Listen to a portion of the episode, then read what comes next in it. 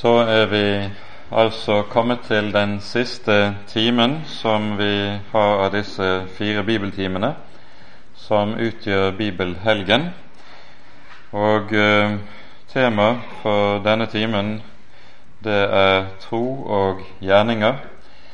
Og da forstår jeg det slik at da er noe av det vi skal snakke sammen om, det er det som har med helliggjørelsen å gjøre. Vi har tidligere i dag talt om rettferdiggjørelsen, og det er jo da slik at som vi var inne på i den sammenheng, at det er ganske avgjørende å kunne skjelne rett mellom helliggjørelsen og rettferdiggjørelsen. Noe av det som nettopp var eh, kilden til det store problemet under reformasjonstiden, eh, og som Luther kjempet med, det var at i katolsk tradisjon så ble rettferdiggjørelse og helliggjørelse blandet sammen, like som loven og evangeliet der også blandes sammen med alt det det fører med seg av uklarhet og åndelig nød. Vi skal da bruke noe tid på å se på dette, og som overskrift over timen kan vi kanskje få lese ordene i 2. Korinterbrevs 7. kapittel, det første verset.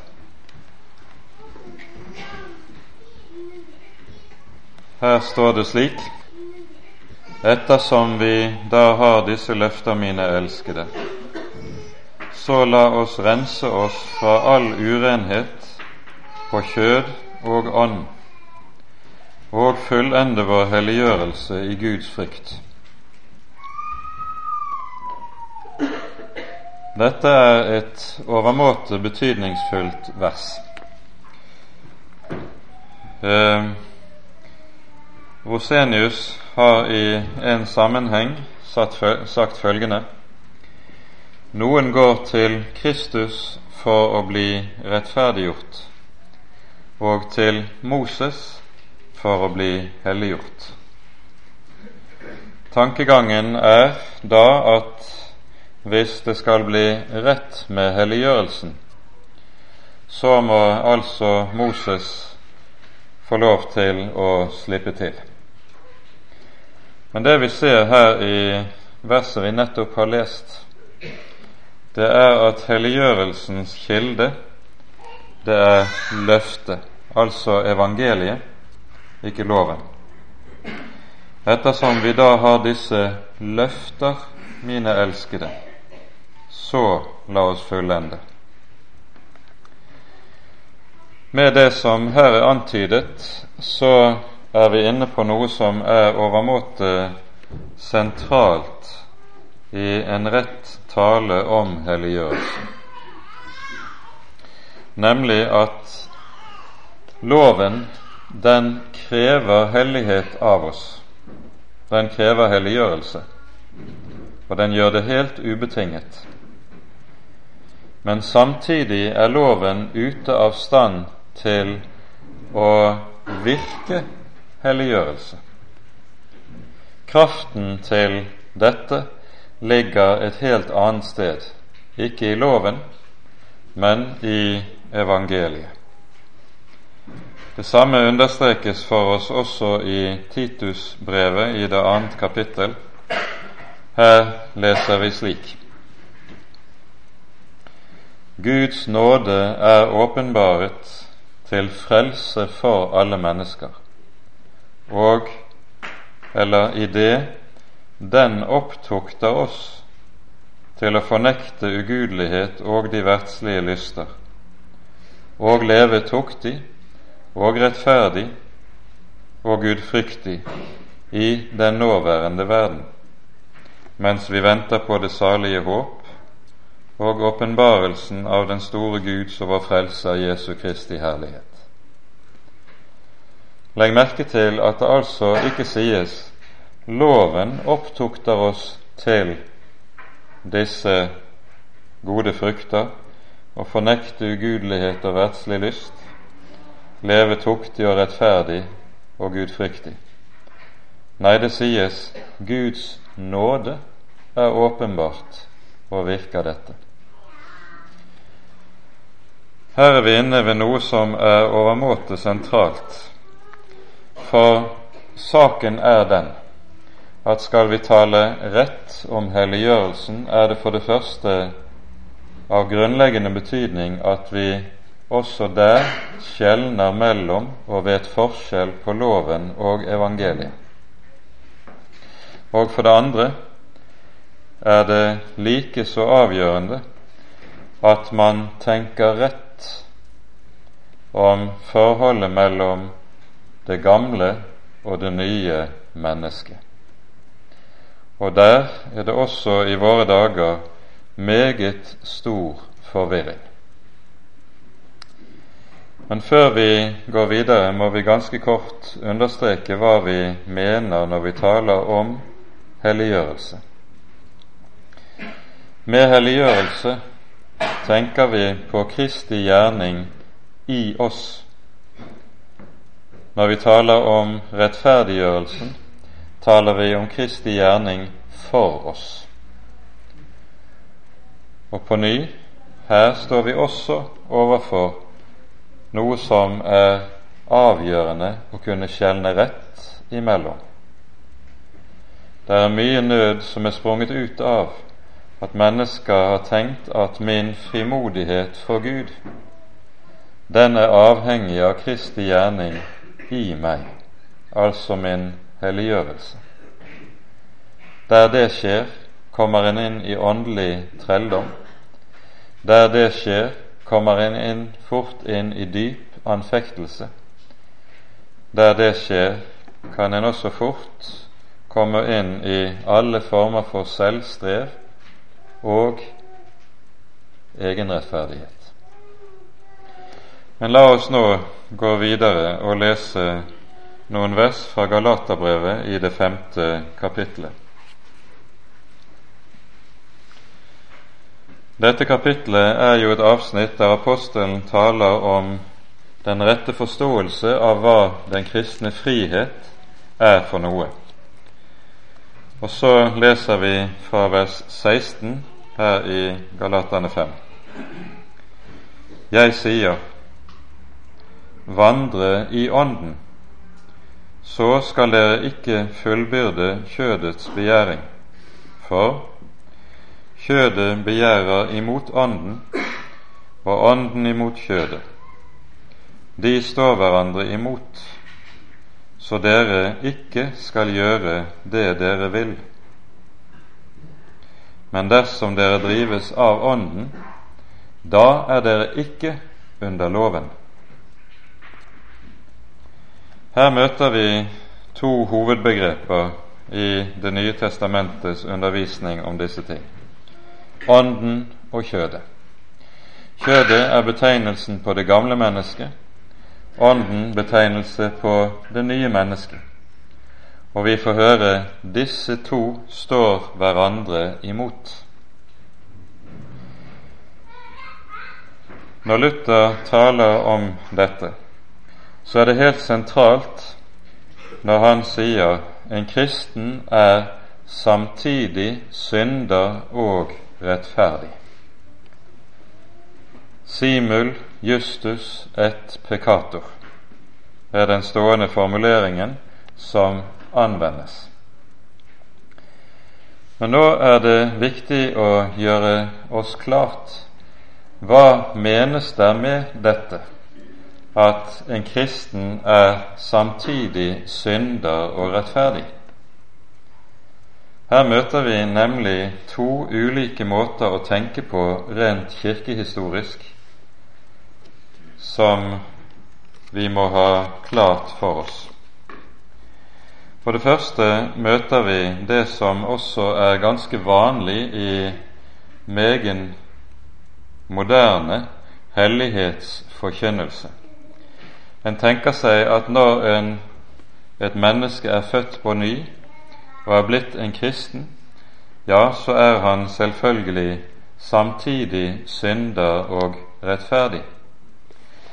Men en tenker seg på den måten at det innebærer at jeg er, består av to halvdeler. Jeg er 50% rettferdig og 50% synder.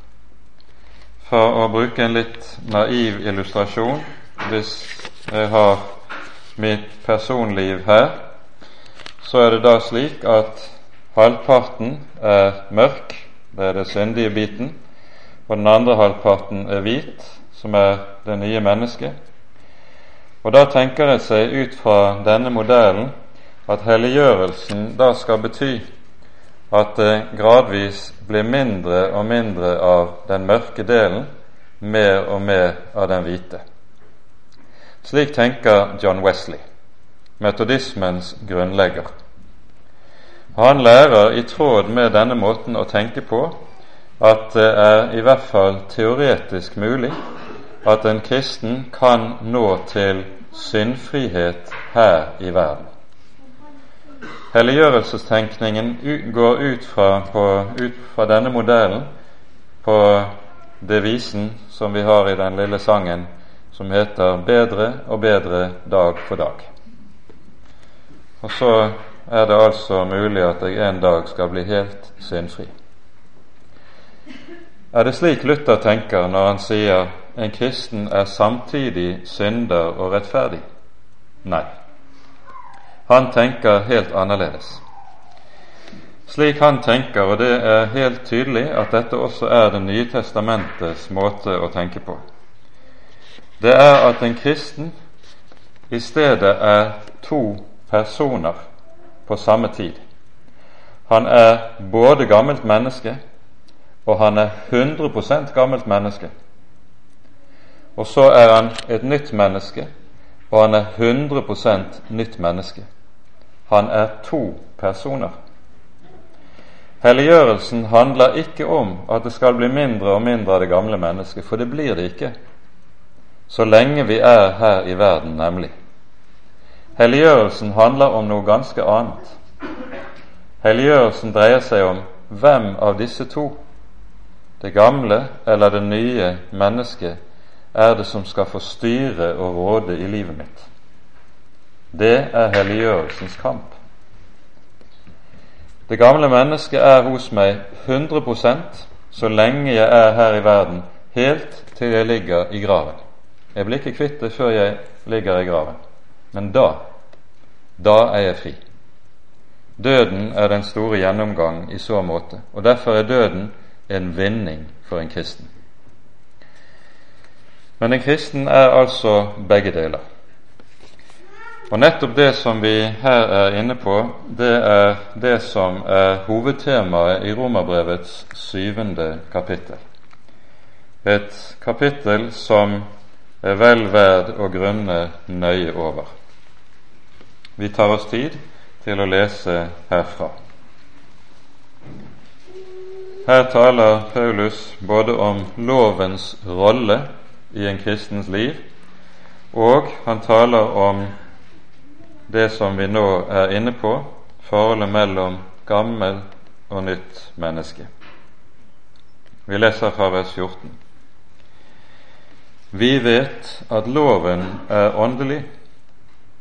Jeg derimot er kjødelig, solgt under synden. For det jeg gjør, vet jeg ikke. For jeg gjør ikke det jeg vil, men det jeg hater, det gjør jeg. Men gjør jeg det som jeg ikke vil, da vitner jeg jo med loven at den er god. Men nå er det ikke mer jeg som gjør det, men synden som bor i meg. For jeg vet at i meg, det er i mitt kjød, bor det intet godt. For viljen har jeg, men å gjøre det gode makter jeg ikke. For jeg gjør ikke det gode som jeg vil, men det onde som jeg ikke vil, det gjør jeg. Men gjør jeg det som jeg ikke vil, da er det ikke mer jeg som gjør det, men det er synden som bor i meg. Så finner jeg da den lov for meg, jeg som vil gjøre det gode, at det onde ligger meg for hånden. for jeg har lyst til Guds lov etter mitt innvortes menneske.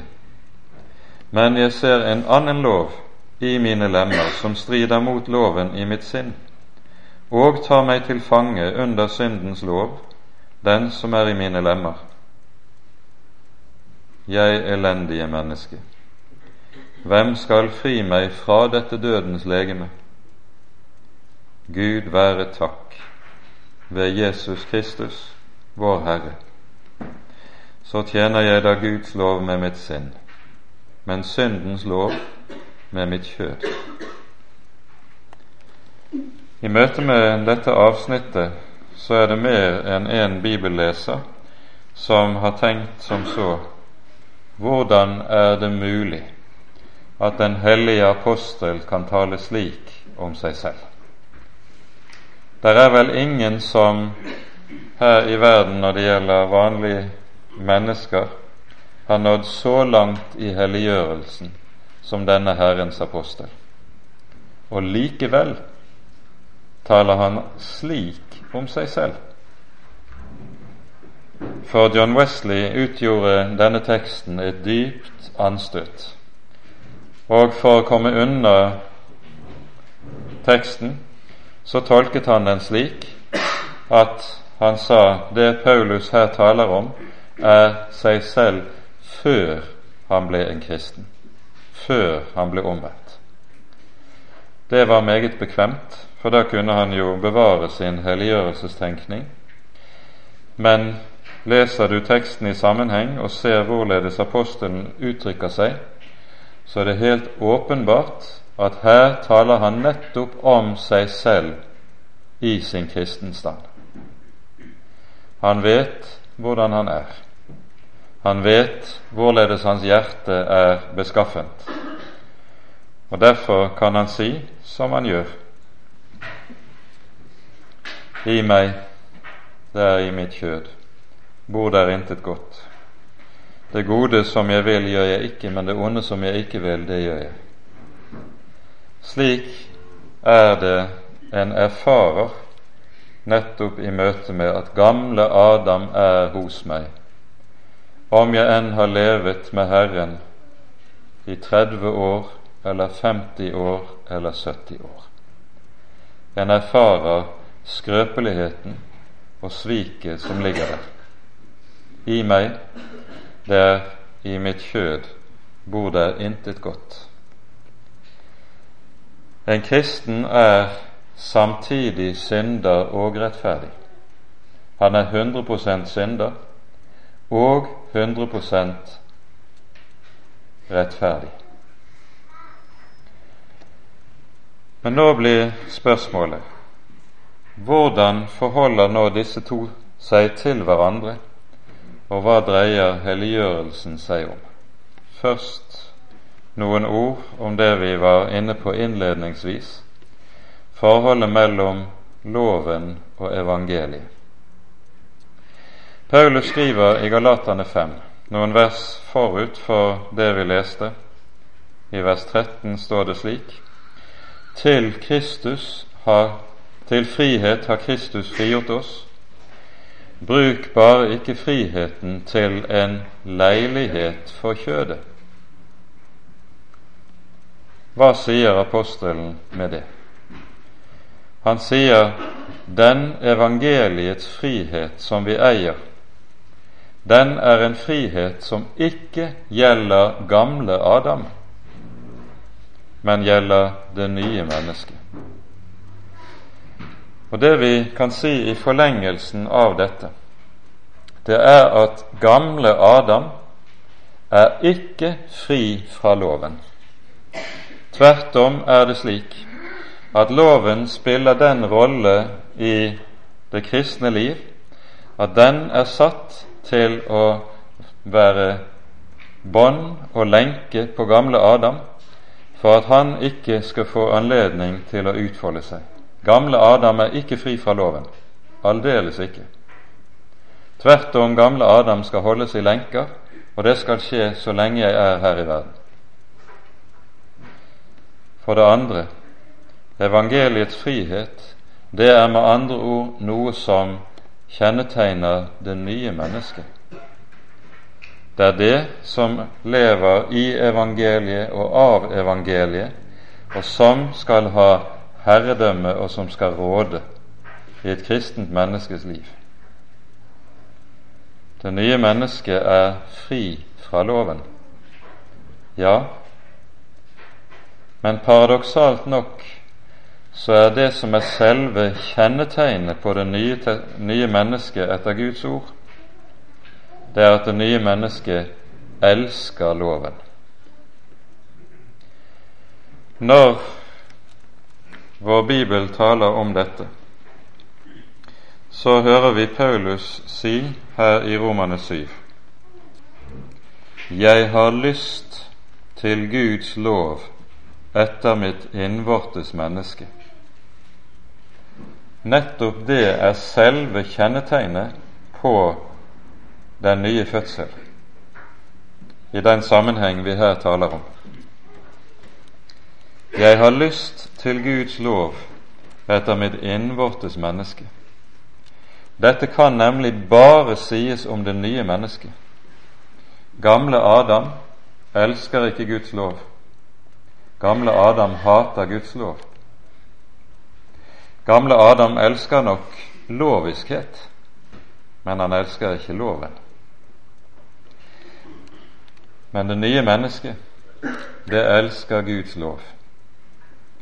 Og det vil av hjertet Det er en hjertetrang for det nye mennesket nettopp å leve etter og innrette seg etter Herrens hellige lov i alle ting og på alle områder.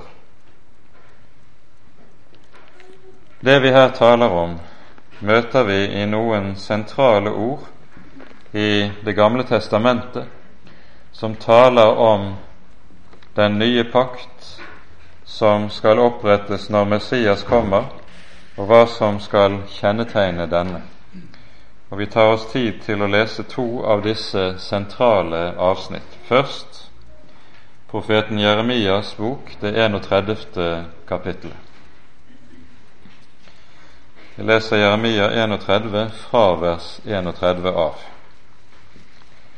Se, dager kommer, sier Herren, da jeg vil opprette en ny pakt med Israels hus og med Judas hus, ikke som den pakt med jeg opprettet med deres fedre på den dag da jeg tok dem ved hånden for å føre dem ut av Egyptens land, den pakt med meg som de brøt, enda jeg var deres ektemann, sier Herren.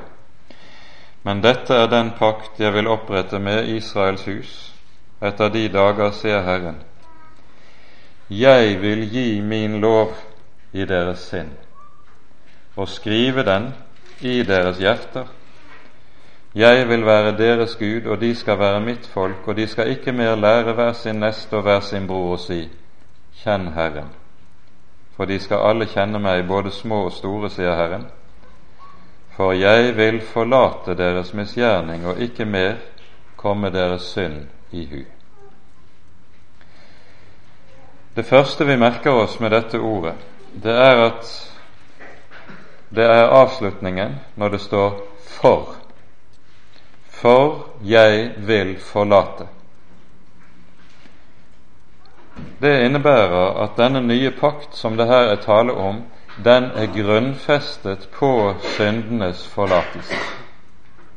I motsetning til den gamle pakt, som var en lovpakt, så er denne den nye pakt det er en nådepakt som er tuftet på syndenes forlatelse. For det andre så ser vi hva som er noe av det grunnleggende kjennetegn på denne pakt. Jeg vil gi min lov i deres sinn og skrive den i deres hjerter. Paulus sa, Jeg har lyst til Guds lov etter mitt innvortes menneske. Ja, slik er det nettopp når Herren har fått skrevet sin lov inn i hjertene, og der loven ikke lenger bare står på steintavler, men er skrevet inn på hjertets kjødtavler. Det er det som skjer der syndene forlates. Det er, skjer, det er det som skjer der et menneske fødes på ny. Det får lyst til Guds lov etter sitt innvortes menneske. Vi leser hos Esekiel i det 36. kapittel om samme sak. Fra vers 25 til 27.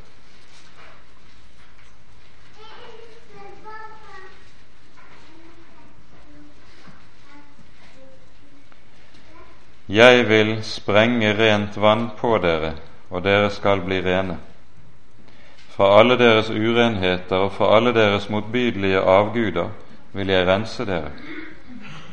Jeg vil gi dere et nytt hjerte, og en ny ånd vil jeg gi inni dere. Jeg vil ta bort steinhjertet av deres kjød og gi dere et kjødhjerte. Min ånd vil jeg gi inni dere og jeg vil gjøre at dere følger mine bud og holder mine lover og gjør efter dem. Samme sak. Samme sak. Det dette innebærer, det er at slik som Det nye testamentet og hele Skriften taler om dette, så kan en kristen aldri være likegyldig med Guds hellige lov. Vel blir vi frelst av nåde, for intet, uten gjerninger, uten å skulle oppfylle en eneste tøddel av Guds lov. Kristus har oppfylt loven i ditt og mitt sted, og på det grunnlag skal du få være et Guds barn. Men det betyr ikke at en kristen er likegyldig med loven, at han er likegyldig med Guds vilje. Paulus stiller jo dette spørsmålet i innledning til Romerbrevets sjette kapittel. Hva da? Skal vi holde ved i synden for at nåden skal bli desto større? Langt derifra, sier han. Og etter grunnteksten brukes der et uttrykk som er meget, meget sterkere. Det det er et uttrykk som, skulle vi oversette det bokstavelig etter sin gammeltestamentlige sammenheng, så skulle det stå 'Det være meg forbannet å gjøre noe slikt'.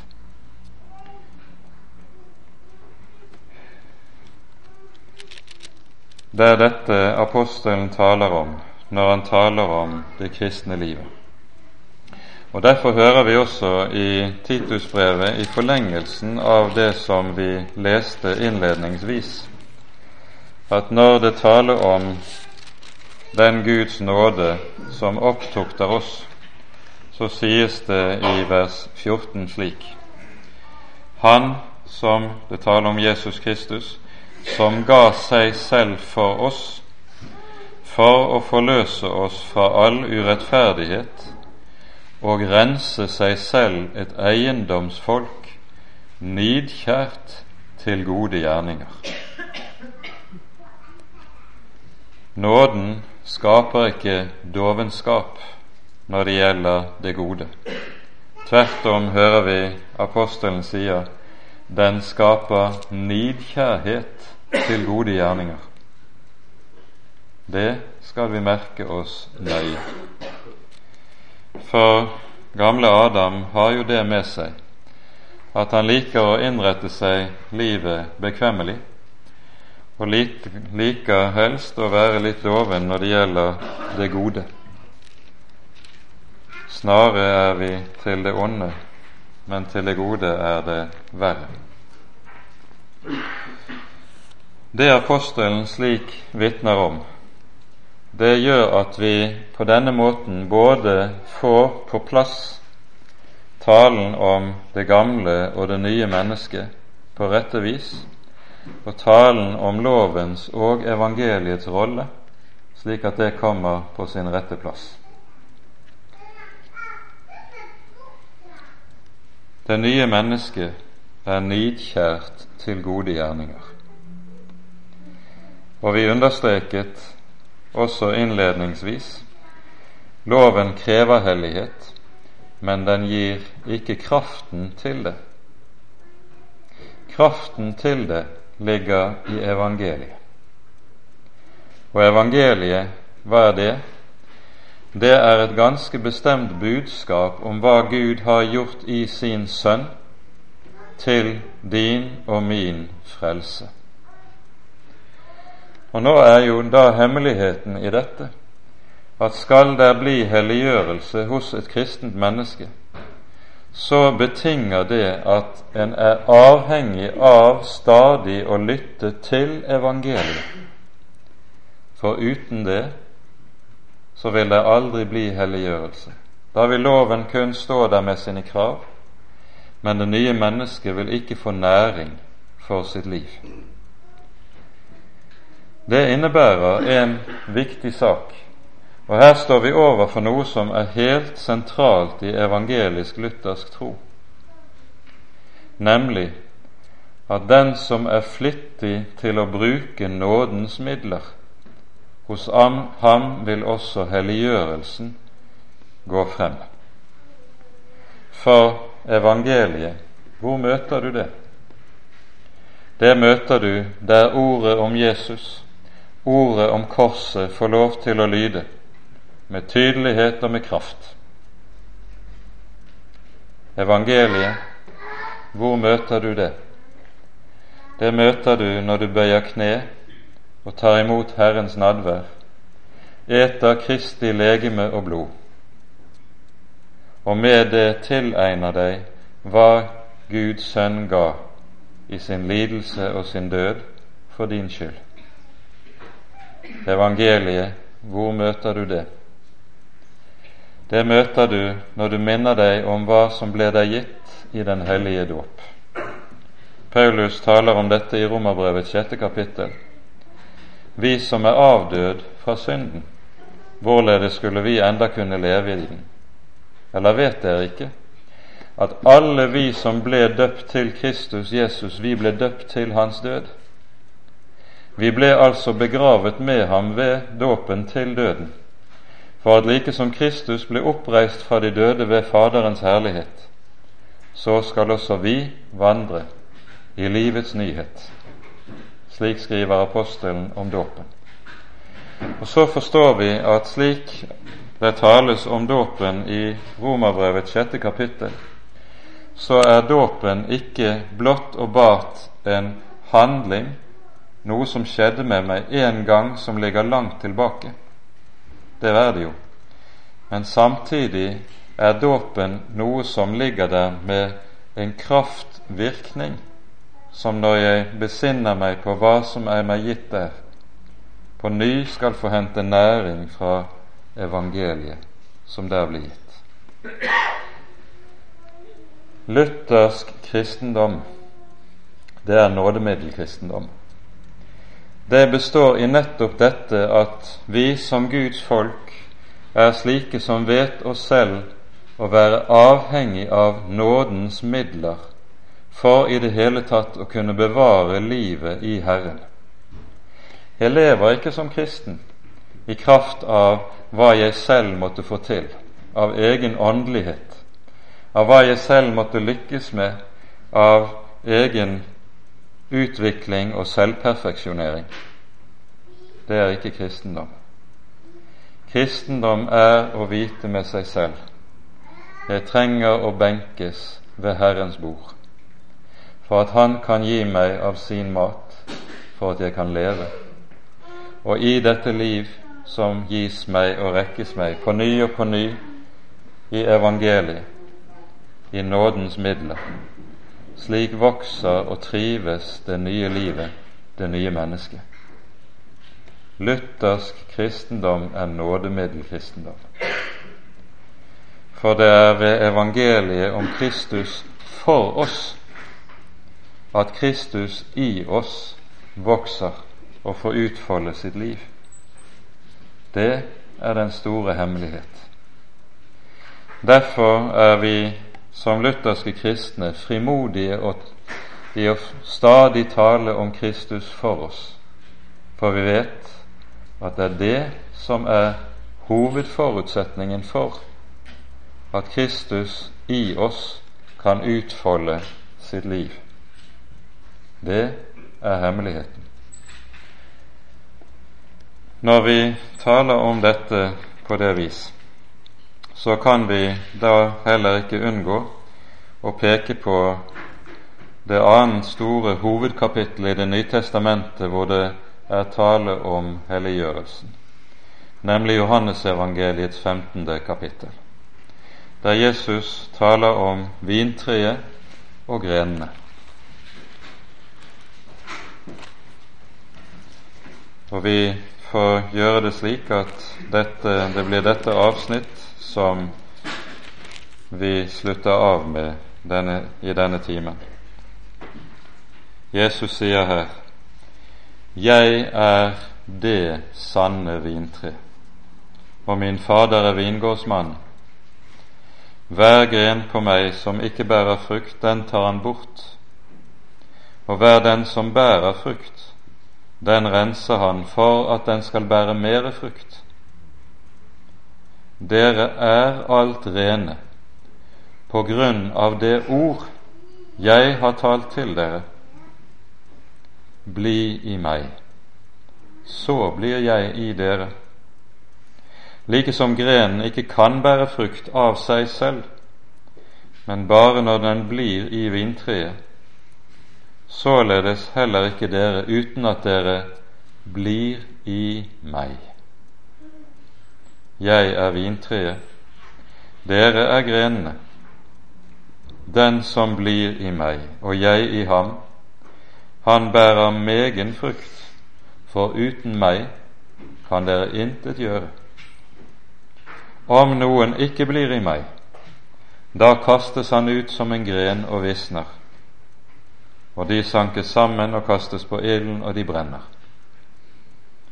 Dersom dere blir i meg, og mine ord blir i dere, da be om hva dere vil, og dere skal få det.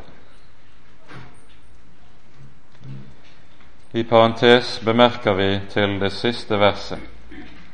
Her møter vi også den fenomen som er meget vanlig i Johannesevangeliet, det som kalles for en hebraisme, Dvs. Si at på gresk språk så uttrykkes noe som etter hebraisk tankegang skulle oversettes som følger Dersom dere blir i meg ved at mine ord blir i dere, da bærer dere megen frukt. Med andre ord, Jesus taler også her om ordet, om evangeliet, om nådens midler. Dere er alt rene på grunn av det ord jeg har talt til dere. Bli i meg ved at mine ord blir i dere. Dermed har Jesus altså pekt på det vi allerede har vært inne på, at det å bli i ham, det er knyttet til nettopp evangeliet, til Guds ord, for Ordet har det med seg at Kristus har forbundet seg med Ordet i evangeliet, slik at når du eter og drikker dette ord, tar dette ord til hjertet, da kommer Kristus selv inn og bor hos deg og gjør sin gjerning i deg og med deg. Det er i Ordet og ved Ordet han gjør denne gjerning. For Ordet er et nådemiddel det er ikke tomt ord som går hen i været, og så er det opp til deg å virkeliggjøre disse ting. For det andre så sier altså Jesus 'bli i meg', så bærer dere megen frukt.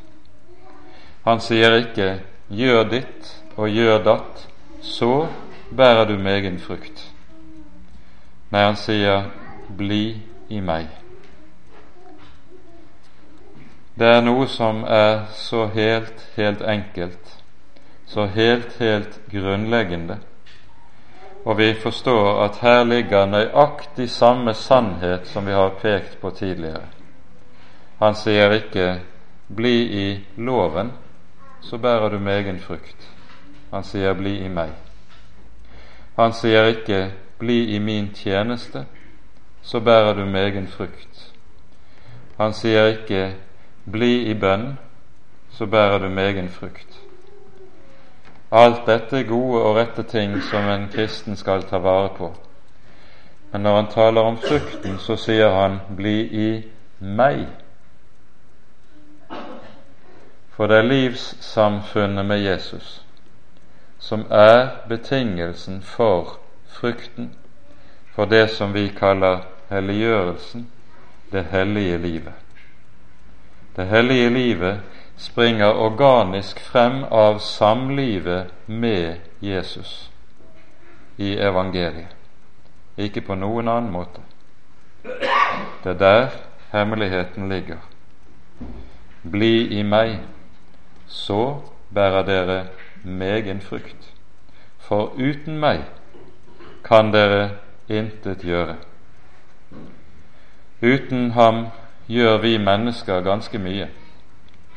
Vi gjør sågar særdeles mye. Men det gjelder om den, den dom om alt det vi gjør uten ham, at det er intet og blir intet. Det har ingen verdi, og det blir ikke stående i ildprøven. Bli i meg, så bærer dere megen frukt, for uten meg kan dere intet gjøre. I denne sammenheng taler Herren også om renselsen. Hver gren på meg som bærer frukt, den renser han, for at den skal bære mere frukt. De som driver med vindyrking, de forteller om hvordan slik renselse foregår. Det er ganske brutal affære når man ser det. For det første foregår renselsen gjennom beskjæring, og det kan se ganske hårhendt ut. Og for det andre kan det tidvis komme eh, soppsykdom eller andre ting på grenene på treet, og da er det ikke uvanlig at vindyrkeren bruker en type stålbørster for å skrape av noe av dette. Det ser hår, hårhendt ut. Og da er det at Skriften taler om korsets betydning og rolle i samme eh, åndedrag, i samme retning. Han tukter oss til vårt gagn for at vi skal få del i Hans hellighet, sies det i Hebreabrevet i det tolvte kapittelet. Når det taler om den tunge tukt som Guds barn tidvis må gjennomgå. Tukt er i denne betydning ikke noe som er vitnesbyrd om at en er forkastet eller står i unåde hos Gud. Tvert om sies det i denne, dette avsnittet er dere uten tukt, da er dere uekte barn. Men Herren tukter sine. Han anvender nød, trengsel, vansker og tunge ting som en kristen kan rammes av i livet. Det er så mangt forskjellig vi kan rammes av. Det er redskaper i Guds hånd som han anvender for å rense grenene. Han døder.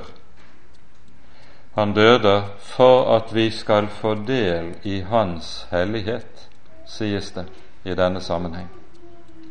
Slik arbeider vingårdsmannen. Og det er jo på denne bakgrunn det bes som følger i den gamle kirkebønnen. Du oppdrar oss ved kors og trengsel for ditt rike.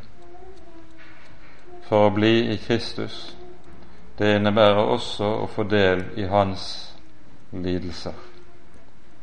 Og det å være en kristen i denne betydning bærer med seg en øvelse i å lære å se på nøden i livet i dette perspektiv. Bli i meg, så bærer dere megen frukt. Og så blir vi i ham og hos ham, om enn tukten kan synes hard. Vi blir i ham og hos ham fordi vi som Peter må si, Herre, til hvem skulle vi gå?